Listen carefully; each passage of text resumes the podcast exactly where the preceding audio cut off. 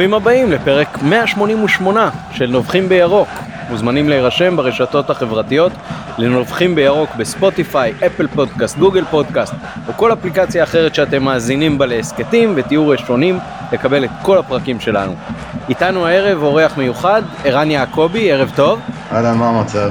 בסדר גמור, אתה בהמשך תגיד מה כל כך מיוחד באירוח שלך ומה תפקידך בכוח. ערב טוב גם למתן גילאור. אהלן, מה נשמע? בסדר גמור, יוצאים לפגרה עם 10 מ-12, מה יכול להיות טוב יותר. תודה ליונתן אברהם מאחורי הקלעים שנותן לנו כרגיל את התמיכה הטכנית. בואו נתחיל בנביחות. מתן, לך על זה. טוב, הנביחה שלי ככה משהו שהיה בבית, להראות את ה... כמה צר עולמי כעולם הנמלה. אתמול היה את המשחק של אה, מכבי פתח תקווה נגד אה, קריית שמונה, יותר נכון קריית שמונה עם מכבי פתח תקווה, והילדים ממש רצו לראות את המשחק, אמרתי בסדר, תראו את המשחק, אין בעיה.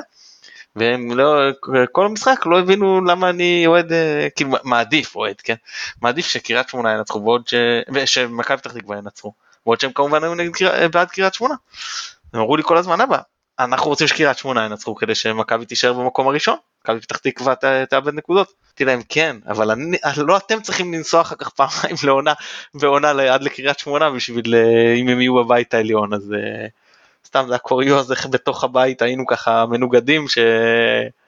כשמכבי כמובן כולם מאוחדים סביבה ואיך זה בא לכל אחד מכיוון אחר. כן האמת שאני אקח את זה לא תכננתי לנבוח אבל הבת שלי ניהלה איתי הערב שיחות על uh, מה יקרה אם היא תצא ואו חס וחלילה תתחתן עם אוהד של קבוצה יריבה ואיך אני אגיב ואיך אם הוא יתנהג ככה ואני אתנהג אחרת אז uh, לשמחתי היא מבינה שהיא צריכה להישאר עם הצבע הירוק וגם יש עוד הרבה שנים, אני מקווה לפחות, עד שזה יהיה ממש ממש אה, רציני ואקטואלי.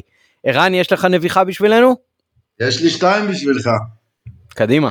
קודם כל צריך לקרוא לרווחה על מה שאתם עושים לילדים, שאתם נותנים להם לראות משחקים כמו קריית שמונה נגד מכבי פתח תקווה. זה לא, זה לא תוכן לילדים.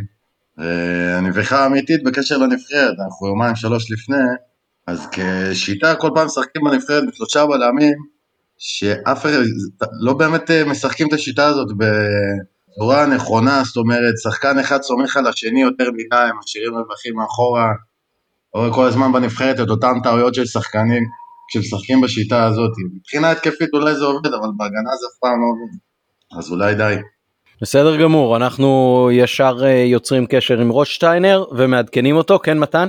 מילה על זה, אה, אני, אני כמובן מסכים עם ערן, אני אגיד שמי שידע לשחק מצוין את הסוויפר, את הליברו, את הבלם האחורי, זה היה טיין רנן שהיה אצלנו, שכבלם מצמד הוא לא אה, לא, בסדר הוא היה בסדר, כן, אבל כחלק משלושה הוא פשוט ידע בדיוק מה שערן מדבר עליו, את ה... מתי סומכים, מי סוגר לאן ואיך זה עובד, כאילו באמת, אתה יודע איך הוא ניהל שם את ההגנה, אני אה, מאוד איך שאז מכבי שיחקה איתו שלושה בלמים, זה ככה היה צריך לשחק את זה. הוא ידע לכוון את זה. ממש. בסדר גמור, אנחנו עוברים למכבי שלנו, ניצחה את אשדוד 2-1, אה, משחק לא קל אה, לאנשים עם בעיות קרדיולוגיות. תחושות והבחנות שלכם, בוא ערן תתחיל כאורח, זכות ראשונים שלך. יאללה תודה, אתה מרגש. כל ההבדל בין המח... במחציות, בדקות הלא טובות שלנו, זה הרבה בגלל כל מה שכולם אה, מתקשקשים ברשת עכשיו על הבעיות בכושר, אז גדול כל הקבוצות בכל העולם סובלות, סובלות מזה, מפציעות שרירים, מעומסים, ואם זה ביחס לאיך שאשדוד שיחקו, אז הם, אה, ראיתי את המפה, מפת מיקומים של שהמנהלת מפרסמת אחרי המשחק, אתה יכול לראות מחצית ראשונה שהם ממש עומדים באמצע, כאילו אין להם חלוצים, ואחרי החילופים שלו, במיוחד אחרי שהוא הכניס חלוץ, זה, זה גרם למכבי להתחיל לרדוף, ואז עוד, עוד שעוד הובלנו 1-0, כל ההורדת הילוך הזאת, ביחד עם כל השינויים במגרש, הביאו לזה שהתחלנו לרדוף אחריהם בלי כוח. אוקיי, okay, אנחנו כמובן ניגע בדברים יותר בפרוטרוט בהמשך, אבל uh, העברת למתן את האפשרות uh, לסכם את הצד שלו. אני אגיד ש... אני גם מסכים אירן אבל עוד דבר שצריך ל- ל- ל- לתת עליו את הדעת שמכבי התחילה לרדוף אז מעבר לעניין של שמכבי באמת התעייפה גם ל- ל- באמת לחילופים של אשדוד היה משקל ואני אגיד שלא פחות מהכניסה של אה, שגיא וחזקאל אם אני לא טועה לכניסה של אה, שלומי אזולאי. כי כשמשחקים ביחד ודיברנו על זה גם לפני המשחק אז אולי וגורדנה אז מסוגלים לגרום הרבה נזק. הבעיה שלהם כמובן שיש שם אה, הם יוצרים בור הגנתי. רן בן שמעון אני מניח ראה את המשחק שלנו נגד מכבי תל אביב הבין שעדיין איזושהי בעיה של כושר גופני והחליט מה שהוכיח את עצמו בדיעבד בצדק למרות שהם הפסידו את המשחק שהוא רוצה את הצמד הזה מול מכבי עייפה. ולא מול מכבי רעננה יכולים לגרום ככה יותר נזק. זה עבד כי כששניהם שיחקו ביחד במחצית השנייה ממש אשדוד השתלטה על המשחק גם מבחינת ההחזקה בכדור, גם מבחינת זה שהכתיבה את הקצב וגם מבחינת זה שעד עד הרגע שהם עשו הל מרי, שרוקאביצה הגיע לאותם סט מצבים בכלום זמן, עד אז הם גם היו יותר מסוכנים. בסוף הם באמת הלכו הל מרי, לא היה להם כבר מה להפסיד, ואז uh, אנחנו גם סיכנו יותר למרות שהם uh, החזיקו יותר בכדור. Uh, זהו, אז אני, מעבר לעניין כושר גופני אולי נרחיב עליו בעתיד. כמובן שמכבי לכאורה יכלה לגמור את המשחק הרבה לפני, אבל בואו נדבר רגע קודם על המחצית הראשונה, דווקא אז החזקנו הרבה בכדור, היה משחק מאוד אה, מנוטרל נקרא לזה, שתי הקבוצות לא סיכנו יותר מדי, הם עם אה, מצב אחד שגלאזר לקח מצוין, באחד על אחד, ומכבי עם הפנדל שהיה כמובן, עד עכשיו לא מבין מה רן בן שמעון רוצה מה, מהשופט. אה, עמית אמרת לי שהזכרנו ב, את המשחק שהיה העונה שעברה נגדם, ששיחקנו מחצית ראשונה פנטסטית, בין הטובות שלנו בעונה שעברה, ובכל זאת ירדנו, ירדנו בפיגור 1-0, פעם שיחקנו לא משהו, אבל ירדנו ביתרון ואמרת אני מעדיף ככה. אז קודם כל נכון, אני מעדיף ככה. לא רוצה את המשחק ההוא שבאנו ודיברנו על זה בעונה שעברה שאנחנו באים עם כל הלחץ אז היה לדעתי אפשרות לצמצם את הפער עם מכבי תל אביב אחרי שהם נקודות וסיימנו בשלוש שלוש. אז אה, למרות שהיינו שוב במחצית ראשונה פנטסטית אז פה שיחקנו פחות טוב ולקחנו את הנקודות אז מי שיחזור ויקרא את הטור שפרסם אמיר פלג עם כל הירידה שלו על מכבי על הפן המנטלי וזה אז הנה באנו עם הלחץ שאנחנו יודעים שעכשיו נקודות זה משמעותי שזה מגדיל את הפער עם מכבי תל אביב ואפילו שם אותנו במקום ראשון בטבלה ועשינו את זה. למרות כל מה שהיה מסביב, אה, גלאזר שדיברו על הפן המנטלי עמד והיה מצוין, אז זה מהבחינה הזו. אה, טוב בוא אני אתן לערן להמשיך כי יש לי עוד כמה דברים להגיד אני אדבר עליהם בהמשך. ערן אני אוסיף אולי גם uh, אמירה ושאלה כשחזרנו ליציע מתן ואני במחצית לקראת המחצית השנייה אז שמענו שני אנשים אומרים שמכבי הייתה על הפנים אז נכון שמכבי שלטה בכדור אה, כמעט כל המחצית הראשונה, אבל אה, הגיע יחסית למעט מצבים. היה שם כדור אה, מעניין של אה, חזיזה שהיו חסרות לו כמה מעלות בשביל אה, להקפיץ מעל השוער, היה כדור שרוקאביצה נתן פס כזה לשוער, אבל בסך הכל לא סיכנו הרבה את השער של אה, אשדוד. למה לדעתך זה קרה ומה אפשר היה לעשות כדי שיהיה סיכון יותר ממשי לשער של אשדוד עוד לפני הפנדל? זה, לדעתי זה עניין של חדות, של כושר משחק, באמת, זה, זה קצת קלישאתי כזה, אבל כל ההפסקות האלה של המשחקים, אתה לא מייצר רצף, והשחקנים הכביכול יצירתיים שלך, אמרת חזיזה, לא יצרו יותר מדי. ראית את אה, אלביץ' שהפך להיות אה, אלשיך, תוך כדי המחצית, גם כן לא ייצר שום דבר מיוחד. המגינים בלי שום הכנסת כדור, למעט אחת אולי של טלב לניקיטה, מעבר, מעבר לשרי שבאמת הוא באזורים האלה, הוא תמיד מסוכן ומייצר לניקיטה, אתה, אף אחד מהשחקנים היצירתיים לא יביאו שום דבר מיוחד. תוסיף לזה את המעין שינוי שיטה שהקבוצה עוברת תחת בכר, אז אותן תוכניות התקפה שהיו לך כבר הן פחות. אתה לא רואה את המגינים כל כך כמו שראית בעונה הקודמת את מבוקה.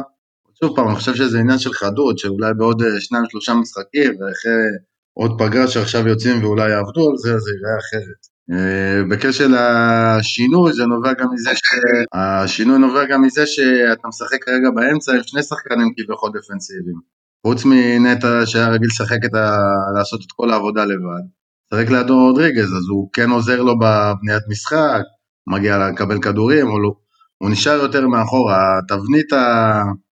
הגנתית נקרא לזה של מכבי, כשמגן אחד יוצא מהצד, תמיד אתה רואה את רודריגז מתגלגל לכיוון שלו, ונגד מכבי תל אביב הוא ממש, זה היה המקום שלו ושיחקו שלושה בלמים אה, רוב הזמן. אבל גם כשיוצאים מצד שמאל, אז אם זה נטע, או שבמשחקים אחרים זה הנטע ואבו פאני, כל פעם אחד מהם יוצא לצד אחר. אז אה, לפעמים זה גם, אה, זה פוגע מקדימה בזה שיש לך פחות נוכחות, נגיד של אשכנזי שעושה הצטרפויות. אוקיי, okay, באמת ההבדל המשמעותי בשיטה אולי של אה, המשחק הזה מול המשחקים של שנה שעברה זה העובדה שרודריגז במקום אה, אשכנזי כשאשכנזי משחק תפקיד כמובן הרבה יותר אה, קדמי ועדיין במחצית הראשונה שלטנו מאוד ורוב הזמן הכדור היה במחצית המגרש של אה, אשדוד ובמחצית השנייה זה היה לגמרי הפוך. אה, איזה הבדלים אה, משמעותיים מצאתם בדוחות הסטטיסטיים בין המחצית הראשונה לשנייה ערן? אתה יכול לראות במיוחד את, ה... את מספר הפסים של הבלמים. לא זוכר את המספר במדויק, אבל זה היה יחסית גבוה, לכל הפחות, לפחות הם דייקו ולא איבדת איזשהו כדור, אתה יודע, סטייל. סטייל הדרבי או סטייל אה, נגד חדרה, שמבוקה מחזיר אחורה ופעמיים או שלוש מייצר מצבים ליריבה. אוקיי, okay. uh, מתן, מה הייתה ההתרשמות שלך מאיהאב אל אה, שייח, אבו אל שייח, שעלה פעם ראשונה בהרכב של מכבי? תראה, הוא לא, הוא לא היה טוב, אבל בסדר, מחצית ראשונה של שחקן שעולה מליגה לאומית לאינטנסיביות של ליגת העל, אחרי חזרה מפגרה, עם כל הלחץ, לקבוצה כמו מכבי, בסדר, אז אני כמובן לא אשפוט אותו על פי מחצית אחת. אה, אני חשבתי שהוא מאוד בטוח בעצמו, מאוד פעלתן, מנסה, לא בורח מהכדור, מבקש את הכדור, רוצה להשתתף במשחק. מצד שני, הרגשתי גם שהוא אה, מאוד רוצה להוכיח את עצמו, לפעמים קצת על חשבון הקבוצה. זאת אומרת, לקחת על עצמו קצת יותר מדי, זה היה נראה שהוא לא נותן למשחק לזרום דרכו. אה, הוא קצת איבד את הכדור יותר מדי, תראה, אנחנו מדברים על אה, שחקן שקיבל תשע מסירות מתוך, ואיבד ארבע פעמים, זה, זה, זה גבוה, הוא נכנס למאבקים ומבחינה סטטיסטית הפסיד את כולם שלושה, אז אנחנו לא, לא ניקח את זה קיצוני מדי, אבל גם אולי העניין הפיזי אה, צריך א' לעבוד מחוץ למגרש, זה היה נראה לי, הוא אומנם קצת מרחוק, אבל שיש שם עדיין קצת מה לגדול, וקשיחות, הקשיחות של ליגת העל, מה לעשות, זה לא הקשיחות של הליגה הלאומית, וגם לזה הוא אה, יצטרך להתרגל, אז אה, אלה שתי הדברים מבחינתי, אחד, לבוא יותר אינטנסיבי ויותר קשור, יותר אגרסיבי, אם צריך גם עבודה בחדר כושר. ולתת למשחק לזרום דרכו, לא להכריח. אוקיי, okay. היו שתי בחירות מעניינות של uh, בכר מבחינת ההרכב בעמדות נוספות בחלק האחורי. אחד זה חבשי במקום uh, עופרי ארד שבשנה שעברה זכה לקדימות וגם uh, גלאזר במקום ג'וש כהן. אה, אני חושב שזה כבר פחות אה, עניין של כשירות גופנית אצל אה, ג'וש כהן, כי לפי הראיונות אז בכר לא העלה את זה כסיבה להעדיף כרגע את גלאזר. ערן, איך אתה חושב שהקבוצה תפקדה עם הבחירות האלה של בכר? בדיעבד זה היה בחירה נכונה? נתחיל עם גלאזר, אני רואה שהוא מנסה לתת לו איזשהו ביטחון, לשמור עליו להמשך העונה, לא מה שנקרא לשרוף שחקן על משחק פחות טוב. זה הוכיח את עצמו בגדול, בסופו של דבר הוא הביא את הנקודות. בקשר לחבשי, חבשי היה לו, כמו כל ההגנה, כולם, כולם, כל המשחקים לאחור, מתחילת העונה, כל בלם טועה לפחות, טעויות, טעויות קריטיות מאוד שהן מובילות לשערים. אני חושב שהוא בחר לנכון אה, בכר לייצב את ההגנה ולהמשיך עם, עם אותו הרכב, אה, עם אותו קו הגנה, אם תוציא סן מנחם, אבל בעצם הלב של ההגנה, אם זה שני בלמים ושוער, אז הוא השאיר את שלושתם, חייב שהיה לו גם משחק מצוין. נצטרך לחכות להזדמנות שוב פעם. כן. ובוא ניגע כן קצת יותר בהרחבה במה שקרה במחצית השנייה. אה, בוא נגיד ככה, אני חושב שההוראות של בכר אה, למכבי במחצית לא היו לכו אחורה ותשמרו על היתרון וגם אה, הבקענו שער שני די בחלק הראשון של המחצית השנייה. ועדיין ברוב המחצית אפשר לקרוא לזה הלכנו אחורה.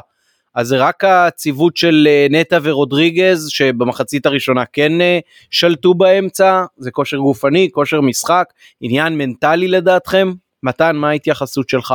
לא, זה, זה, הסיפור שהלכנו אחורה זה בעיקר כושר גופני לטעמי. אבל אני אגיד לך משהו, אני אקח את זה, איך שנראים במחצית השנייה קצת למאקו.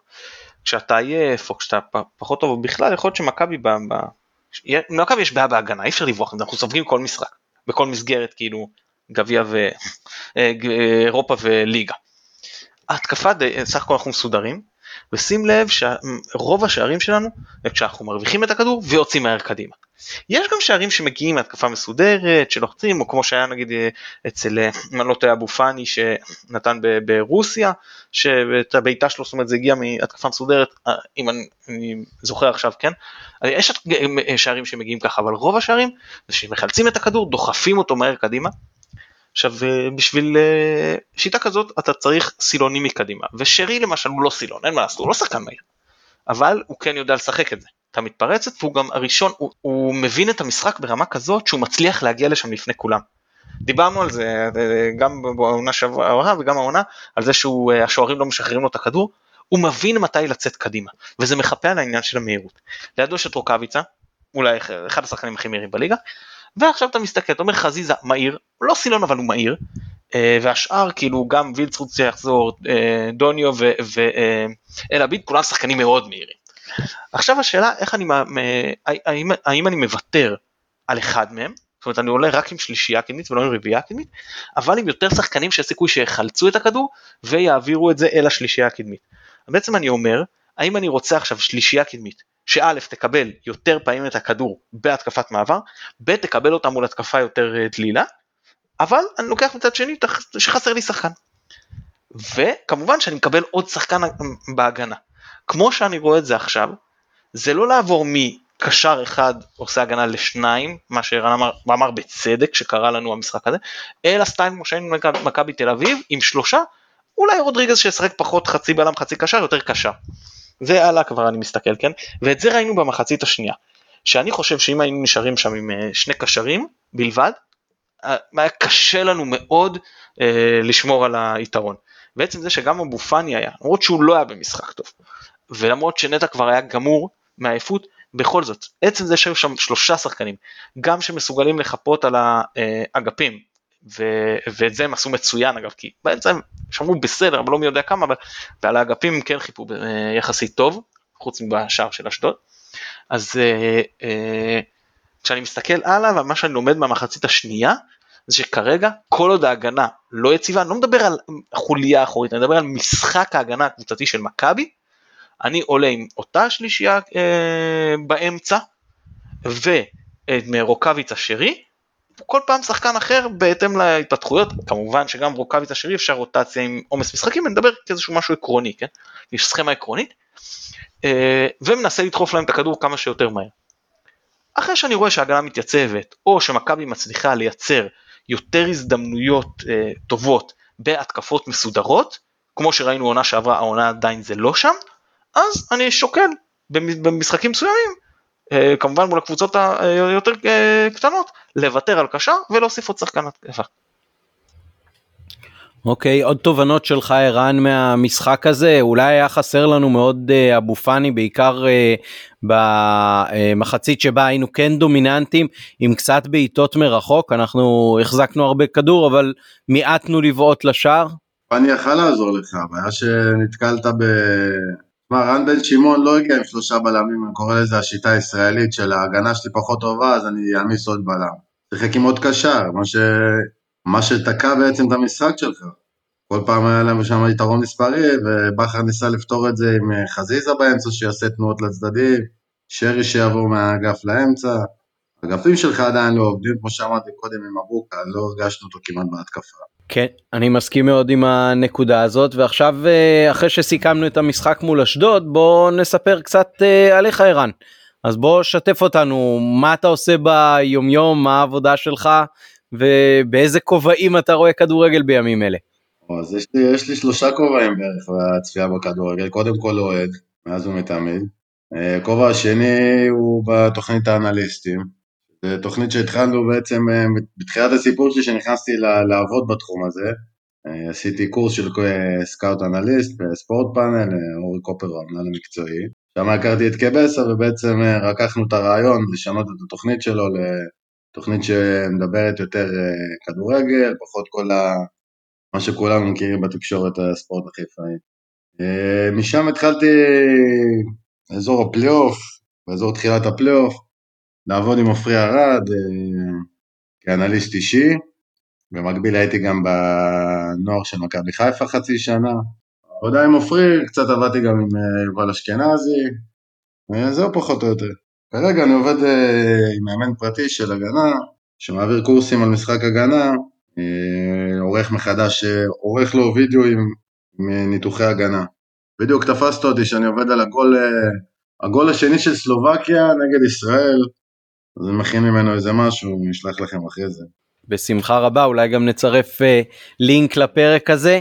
מה זה אומר בעצם אנליסט אישי? מה עושה אנליסט אישי שהשחקן לא מקבל מהקבוצה שלו שכשהיא בטופ הישראלי אז היא כבר יש לה אנליסטים משלה היום? האנליסטים בקבוצות, בכלל הקבוצות, לא נתייחס בכלל, לא רק למכבי כרגע, יש להם הרבה משימות שזה, הם לא יכולים להגיע לתת יחס אישי לכל שחקן, אם זה לנתח את כל המשחק שלו לפרוטרוט.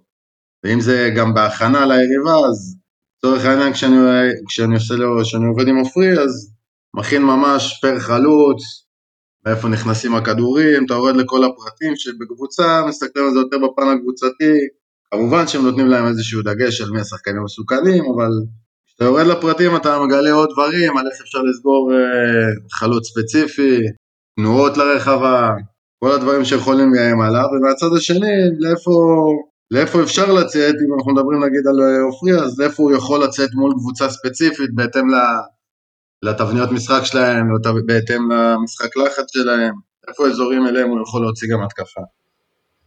אתה יכול לתת לנו קצת אה, דוגמאות, למשל אה, איזה סוג של הכנה היה למשחק מול אשדוד או למשחק אחר שהיה בחלק הראשון של העונה? בחלק הראשון של העונה בגלל כל העצירות אז לא יצאנו לעבוד יותר מדי ביחד, זה היה יותר לאיזה לז'ניצר, ואז חצי הכנה הלכה לי לפח אחרי שגילו שיש שם כמה חולים.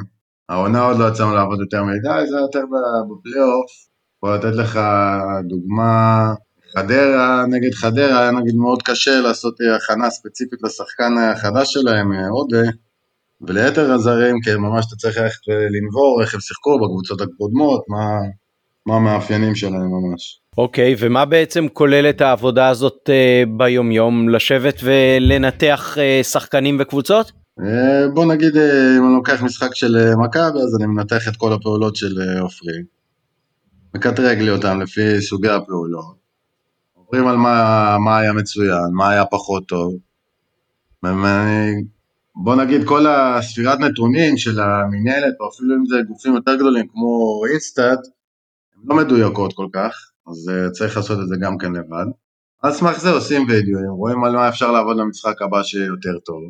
כמובן, אחרי המשחק, שוב פעם, נכנסים לאותו לופ, ובמקביל עובדים על ההכנה ליריבים, למצ'אפים. האם אתה, אתה אומר שעברת עם שחקן, לצורך העניין נניח עופרי ארד, בסדר? או אשכנזי שהיית. אתה עובד עם ה... אתה, אתה עובר על הוידאו, אתה מזהה XYZ נקודות uh, שהיו פחות טובות במשחק ואתה עובר עם השחקן ועכשיו אתם מבינים שיש פה איזשהו אלמנט שצריך לתקן, לשפר.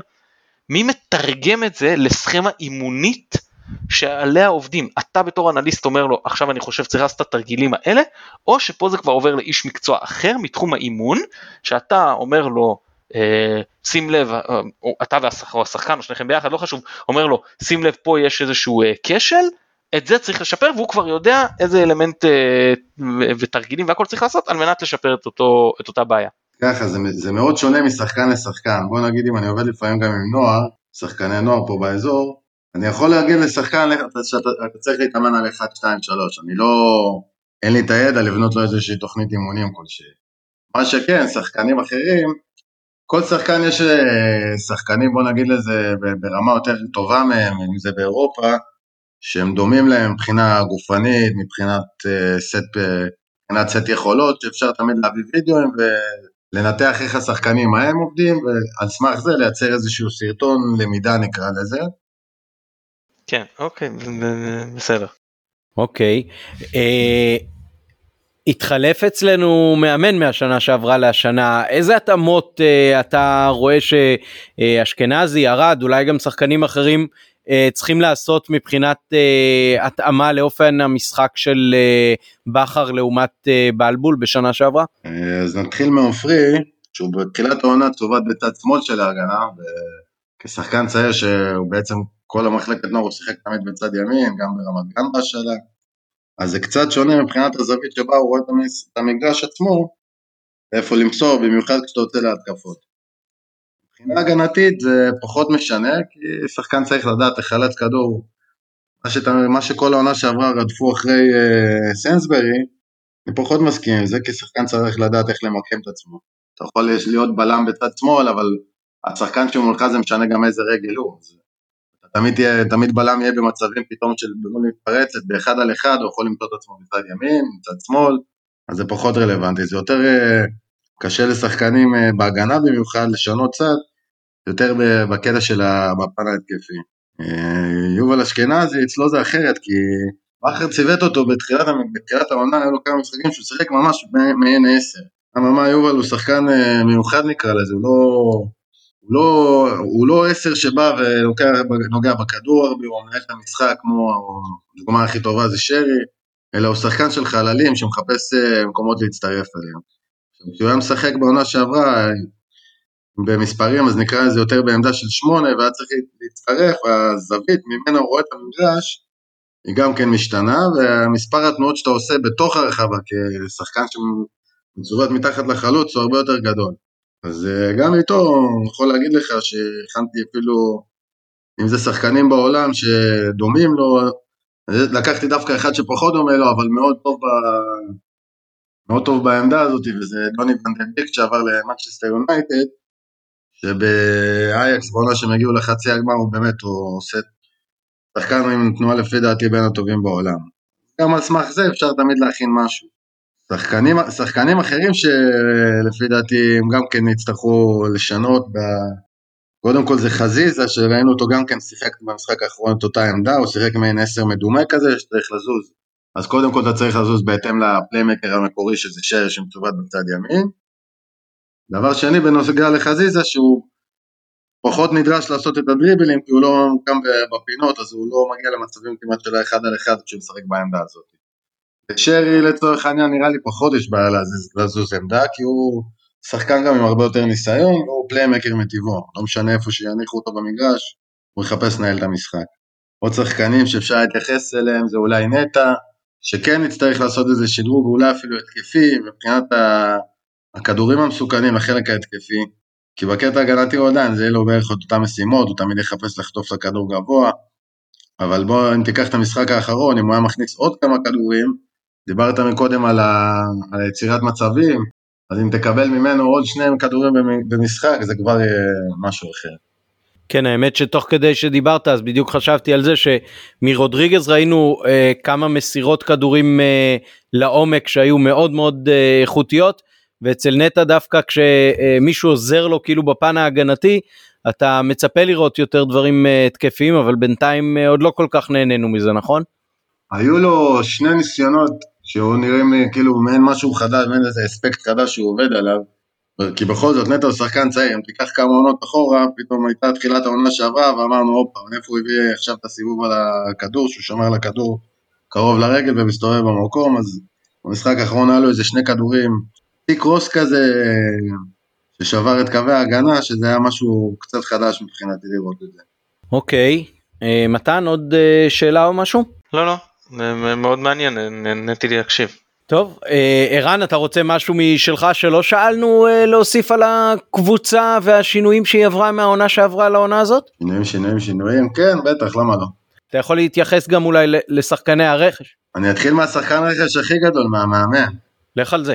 לבלבול הרבה הוא קוראים מקובע ולא משנה הרכבים ולא משנה שיטות וחילופים מאוחרים, אז קיבלת מאמן שבעצם אה, אף אחד לא יודע, אף אחד לא באמת יודע איך הוא יעלה כל משחק. הכי קשה עם זה זה ליריבות, היריבות צריכות להתכונן, תחשוב שאולי מהצד השני יש איפשהו איזה אנליסט שעובד עם שחקן אה, נגיד של אשדוד, שצריך לשמור, הוא יכין את עצמו מן הסתם כל הזמן לווילסקוט, ואז הוא מקבל שחקן שהוא פחות עקב אחריו, פחות הסתכל עליו, ואם זה בשיטות, שאתה יכול ברגע, גם באותו ציוות שחקנים, לשנות שיטה, ואתה יודע, שחקנים ממול צריכים להעריך אחרת, והמאמן שלהם. אוקיי, okay, אולי uh, נעבור לאיזשהו סיכום קצר של, uh, של מכבי עד כאן. Uh, אז עשינו קמפיין מוקדמות uh, יפה מאוד באירופה, בליגה 10 מ-12. ערן, uh, נשאר איתך רגע, הסגל שיש למכבי כרגע, לדעתך הוא מספיק בשביל uh, לדהור קדימה עד הסוף, או שחייבים כבר לחשוב על אה, חיזוק מסוים בינואר? אם לחשוב על חיזוק מסוים, אז הייתי הולך דווקא ספציפית על שחקן אחד, על בירם קיאל, מכמה סיבות. אתה משחק הרבה פעמים, עוד שתשחק עוד הרבה פעמים, עם רודריגס כבלם. בעצם מה שמשאיר אותך על הספסל עם קשר אמצע אחד, יובל אשכנזי, שהוא מעט יותר התקפי בוא נגיד. כי אם אה, רודריגס ישחק מאחורה, אז סביר להניח בציוות של שני קשרים אחוריים זה יהיה אבו פאני עם נטע. בעצם אין לך על הספסל שום כלי מאוד חזק במרכז, ואולי למעט מאור לוי, שאני לא יודע עד כמה הוא ייתן לו הזדמנויות. אז כן, אולי לחשוב על אה, בירם גם מהבחינה הזאת וגם מהבחינה המנהיגותית, שאתה רואה במהלך שני משחקים ב- בליגה, גם אשדוד וגם מכבי תל אביב, את הנפילות מתח שצריך אולי את, ה... את הבעל הבית על המגרש, את ה... מישהו אחראי שיבוא, יצעק, ייתן איזה מילה, יעיר את כולם מסביב. מעבר לזה, בהתקפה אני חושב שאנחנו די מסודרים. דוניו, אני דווקא מאוד התרשמתי ממנו. גם עוד לפני שהוא הגיע, שחקן עם uh, הרבה יכולות, ורסטילי מאוד, יכול לשחק באגפים, מתחת לחלוץ, כחלוץ.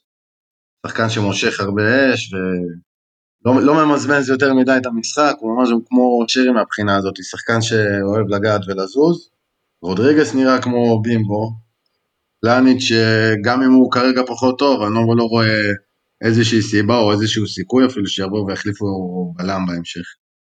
מתן אתה רוצה לתת את ההתייחסות שלך לסיכום אה, מכבי עד כאן והתרשמות מהרכש?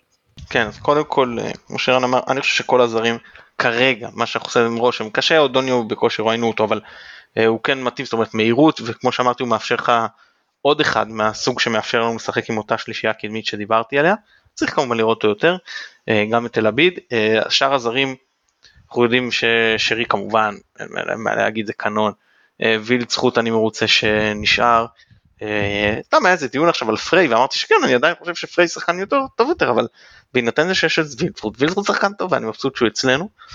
רודריגז נראה רכישה טובה אני חשבתי בהתחלה שהוא דיברנו על זה שהוא יהיה בעמדה קדמית יותר ורך יותר ולא הוא, הוא להפך הוא משחק אחורה והוא משחק אה, קשוח יותר ואני מאוד מרוצה ממנו עד כה.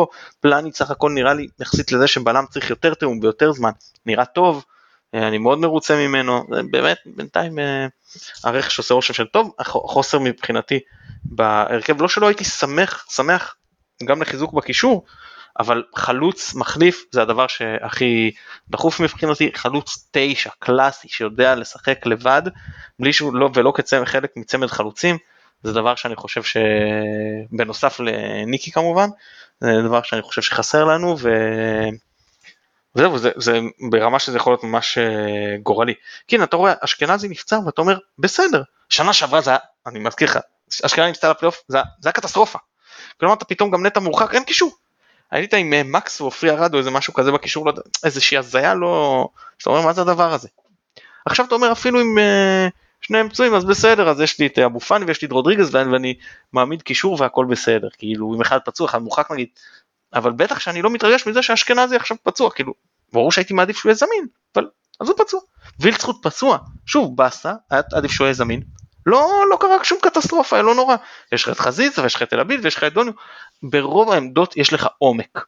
חוץ מעמדת החלוץ, שאם רוקאביצה עכשיו נפצע, אתה בבור, לתחושתי. ושם אה, זאת הנקודה ש... ש... ניר מסמן כבר עכשיו ללכת להתחיל לחפש לינואר. שוב זה גם לא צריך להיות שחקן יקר אולי שעכשיו לשבור לך את התקציב, כי אני מדבר על מחליף. אז אם אוסאמה חלילה לצורך העניין, זה, אה, סכנין דורשת עליו סכום לא הגיוני, אז, אז א' אפשר להשאיל לחצי עונה, ולא חייב, והוא איזה הסכם השאלה, שאתה יודע, של אה, כל מיני נוער וכאלה, ושהם יכולים לבוא לקראתך. ואם לא, אז לא חייבים, אז זה יכול להיות גם שחקן אחר. כן, זה שוב, ברגע שזה לא שחקן הרכב, אז אה, לא משהו שאתה חייב אה, שהוא יהיה איזשהו תותח על, רק מישהו יהיה מספיק, אה, אתה יודע, אפילו דין דוד כזה, שלא שאני חושב שאשדוד ישחררו אותו, אני מדבר מבחינת העיקרון, זה שחקן שהייתי שמח מאוד לראות אותו כמחליף לרוקאביצה אצלנו, אני חושב שגם עונה שעברה הוא היה שחקן טוב מאוד וגם אה, יחסית כאילו לקבוצה כמו אשדוד וגם העונה הוא פתח טוב והיה גם אה, הציק לנו להגנה שלנו במשחק האחרון למרות שלא כבש, אה, אחלה שחקן, שחקן שהייתי ממש שמח לראות אצלנו כמחליף.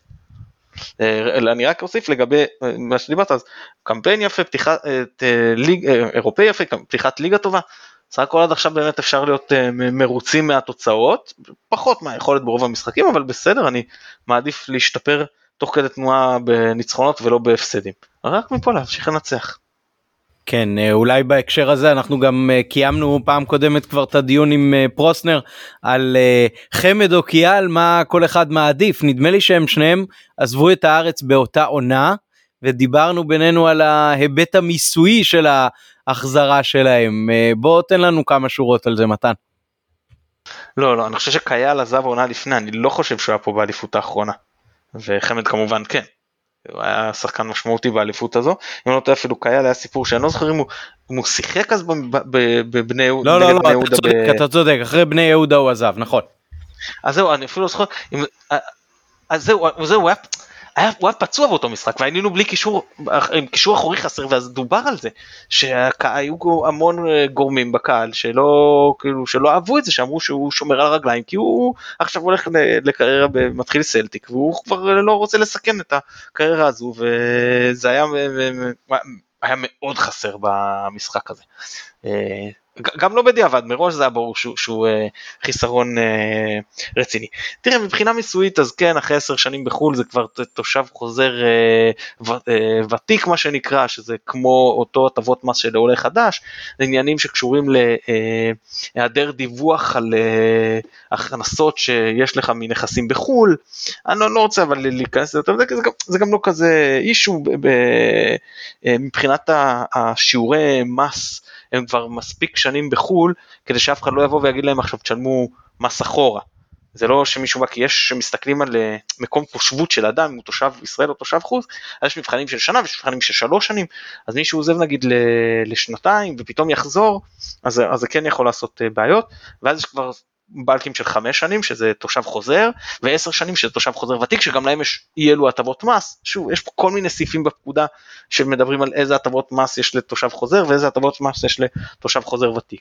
אני מניח שמי שלמשל היה תשע שנים בחו"ל אז הוא ירצה לעשות כבר את העשר ולחזור עם ההטבות מס של uh, תושב חוזר ותיק אבל הכי משמעותי זה המבחן הזה של uh, של uh, מקום התושבות בזמן שהיית בחו"ל כי מי שיחזור למשל אחרי שנתיים ואז הוא כבר, כבר אפשר לקבוע שהוא תושב ישראל בכל ההיבט של השלוש שנים, ואז לך תגבה ממנו מס על כל תקופה שהוא היה בחו"ל, זאת אומרת הוא תושב ישראל, הוא היה צריך לשלם מס על הכנסות שנצמחו לו, כי בישראל, בישראל אתה משלם או אם הם נצמחו בישראל, או אם נצמחו לתושב ישראל בכל מקום בעולם. אני לא מדבר על החרגות ספציפיות, אני מדבר בגדול. אמ, זה לא רלוונטי לגביהם, אה, כמובן ובערך בכל מקרה יש עוד מיני, אה, כל מיני מבחנים של מרכז החיים ואיך קובעים את הדבר הזה אבל אה, לגביהם מה שרלוונטי זה עניין התושב חוזר אה, ותיק שזה אחרי עשר שנים רצוף שנחשבת לתושב חוץ. בסדר גמור כמובן שהמאזינים שלנו שרוצים להרחיב בנקודה הזאת אז אנחנו נפנה אותם שאתה אוטוטו מתחיל פודקאסט חדש של ייעוץ מס. בוודאי גובה כסף על כל כניסה לזה. כן. כן. אה, אוקיי, אה, ערן, בוא לפני ההימורים אה, ניקח עוד שאלה על מכבי בעצם ומה הולך להיות. עד עכשיו סופגים בכל משחק, מה בעצם חסר? רק כושר משחק, יותר תיאום, או שעוד משהו כדי שאנחנו נהיה קבוצה קצת יותר מרתיעה גם בפן ההגנתי שלה? אם להסתכל על הבלמים עצמם, אני חושב שזה עניין של חדות משחק. כי אתה רואה גם בגול אה, נגד טוטנאם, שהרי כן שם ברח מאחורי כולם, אז הבלמים, די, אה, די קרים נקרא לזה מחשבתית. לא מזהים כל כך את הסיטואציות שם, את מה שקרה על המגרש בשביל לסגור את זה. זה לא היה איזשהו מהלך שבאמת אה, מתפרצת או משהו, באמת, מה, מה, הרבה צעקו סאן על העיבוד שלו, מהרגע שסאן איבד את הכדור היה עוד איזה חמישה שישה תתי מהלך נקרא לזה שיכלו למנוע את השער, וכל הבלמים שם בעצם היו רדומים, זה עניין, נראה לי עניין של אה, חדות משחק. מבחינה קבוצתית אתה רואה את זה על המגרש שבכר באמת דורש מהם לעזור אחד לשני, כשהם מגיעים למאבקים אז שיהיה מי שיחפה מסביב תמיד. לא כזה מודאג לגבי המשך הספיגות אה, לכל משחק, אני חושב שזה משהו שמאוד אה, עובדים עליו שם.